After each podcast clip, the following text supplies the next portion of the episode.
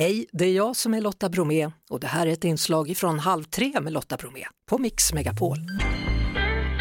Hörrni, det är valtider och många brukar ha en valhemlighet. Många kanske inte vet hur de ska rösta men en som vet och har bestämt sig det är Folkpartiets före detta partiledare Bengt Westerberg. Hallå där! Hallå, hallå! Välkommen till Halv tre. Jag Tack så tänker mycket. så här, 1991 när Ny Demokrati kom in i studion, då gick du ur studion. Och Ja. nu går du ur Folkpartiet, numera kallat Liberalerna. Vad är det som händer?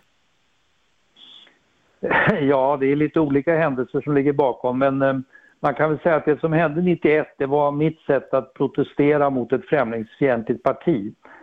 Och jag har eh, aldrig tyckt att Liberalerna ska samarbeta med ett sådant parti men för ett par år sedan nu så la partiet om sin strategi och sa att nu var man öppen för det och eh, det var då jag bestämde mig för att inte rösta på partiet i riksdagsvalet. Däremot i kommunalvalet, där tycker jag att vi har företrädare som står för det som jag alltid har kämpat för. Ja, och du nämnde då för ett år sedan att, att det gick åt det hållet då efter en intern strid som ni har haft inom Liberalerna då och då valde du mellan Centern, Miljöpartiet eller Socialdemokraterna. Nu har du gjort ditt val.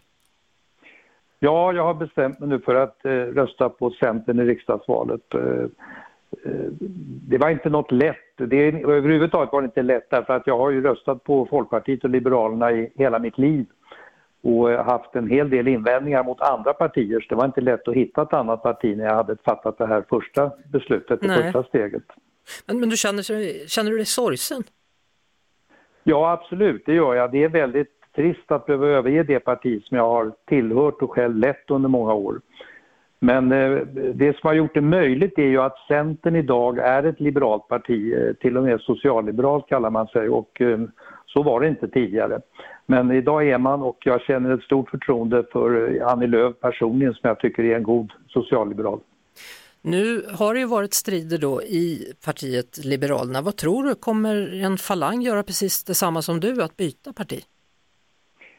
Ja, om vi kan kallas en falang vet jag inte, men att det är fler än jag som tänker i samma banor, det är helt uppenbart. Jag har bara idag blivit kontaktad av många som har berättat att de tänker göra samma sak. Om vi lämnar eh, Sveriges politik då och går till världspolitiken. Igår fick vi ju beskedet att Mikhail Gorbatjov avlidit 91 år gammal efter en tids sjukdom. Hans betydelse för västvärlden och världen i stort. Ja, han kunde ju ha fått en oerhört stor betydelse om vi hade fått en annan utveckling i Ryssland än, och de andra gamla Sovjetstaterna än den vi nu faktiskt har fått. Eh, hade, hade Ryssland idag varit en normal demokrati så hade ju eh, Gorbatjov naturligtvis hyllats enormt för sin betydelse för detta. Nu fick hans gärning, har inte fått riktigt den betydelse som vi hade hoppats men jag tycker ju att han var en väldigt spännande person. Jag hade tillfälle att träffa honom en gång när han hade fått Nobels fredspris och eh, åt en lunch dagen efter här i Stockholm.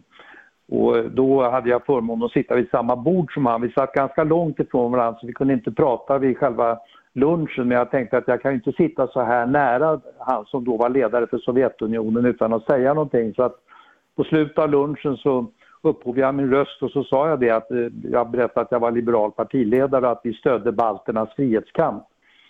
Och när jag hade mött företrädare för Sovjetunionen tidigare så hade de alltid avfärdat sånt där och sagt att det här är inre angelägenheter, det ska ni inte bry er om. Men Gorbatjov kom tillsammans med sin tolk springande ifatt mig efter lunchen och sen satt vi och pratade i 20 minuter om detta. Och det intressanta var att han lyssnade på argument och gav argument tillbaka och sådär. Det hade aldrig en företrädare för Sovjetunionen som jag hade mött tidigare gjort någonsin. Så att jag har ett väldigt gott minne av Gorbatjov från det tillfället. Och han var inte helt främmande faktiskt då heller för tanken att eh, de baltiska staterna skulle bli fria. Det här var ju något år innan det hände. Mm. Eh, Men han var öppen för det.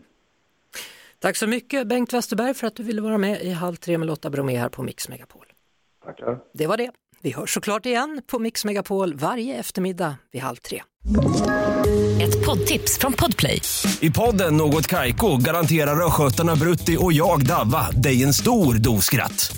Där följer jag pladask för köttätandet igen. Man är lite som en jävla vampyr. Man har fått lite blodsmak och då måste man ha mer. Udda spaningar, fängslande anekdoter och en och annan arg rant. Jag måste ha mitt kaffe på morgonen för annars är jag ingen trevlig människa. Då är du ingen trevlig människa, punkt. Något Kaiko, hör du på Podplay. Därför är gardinerna.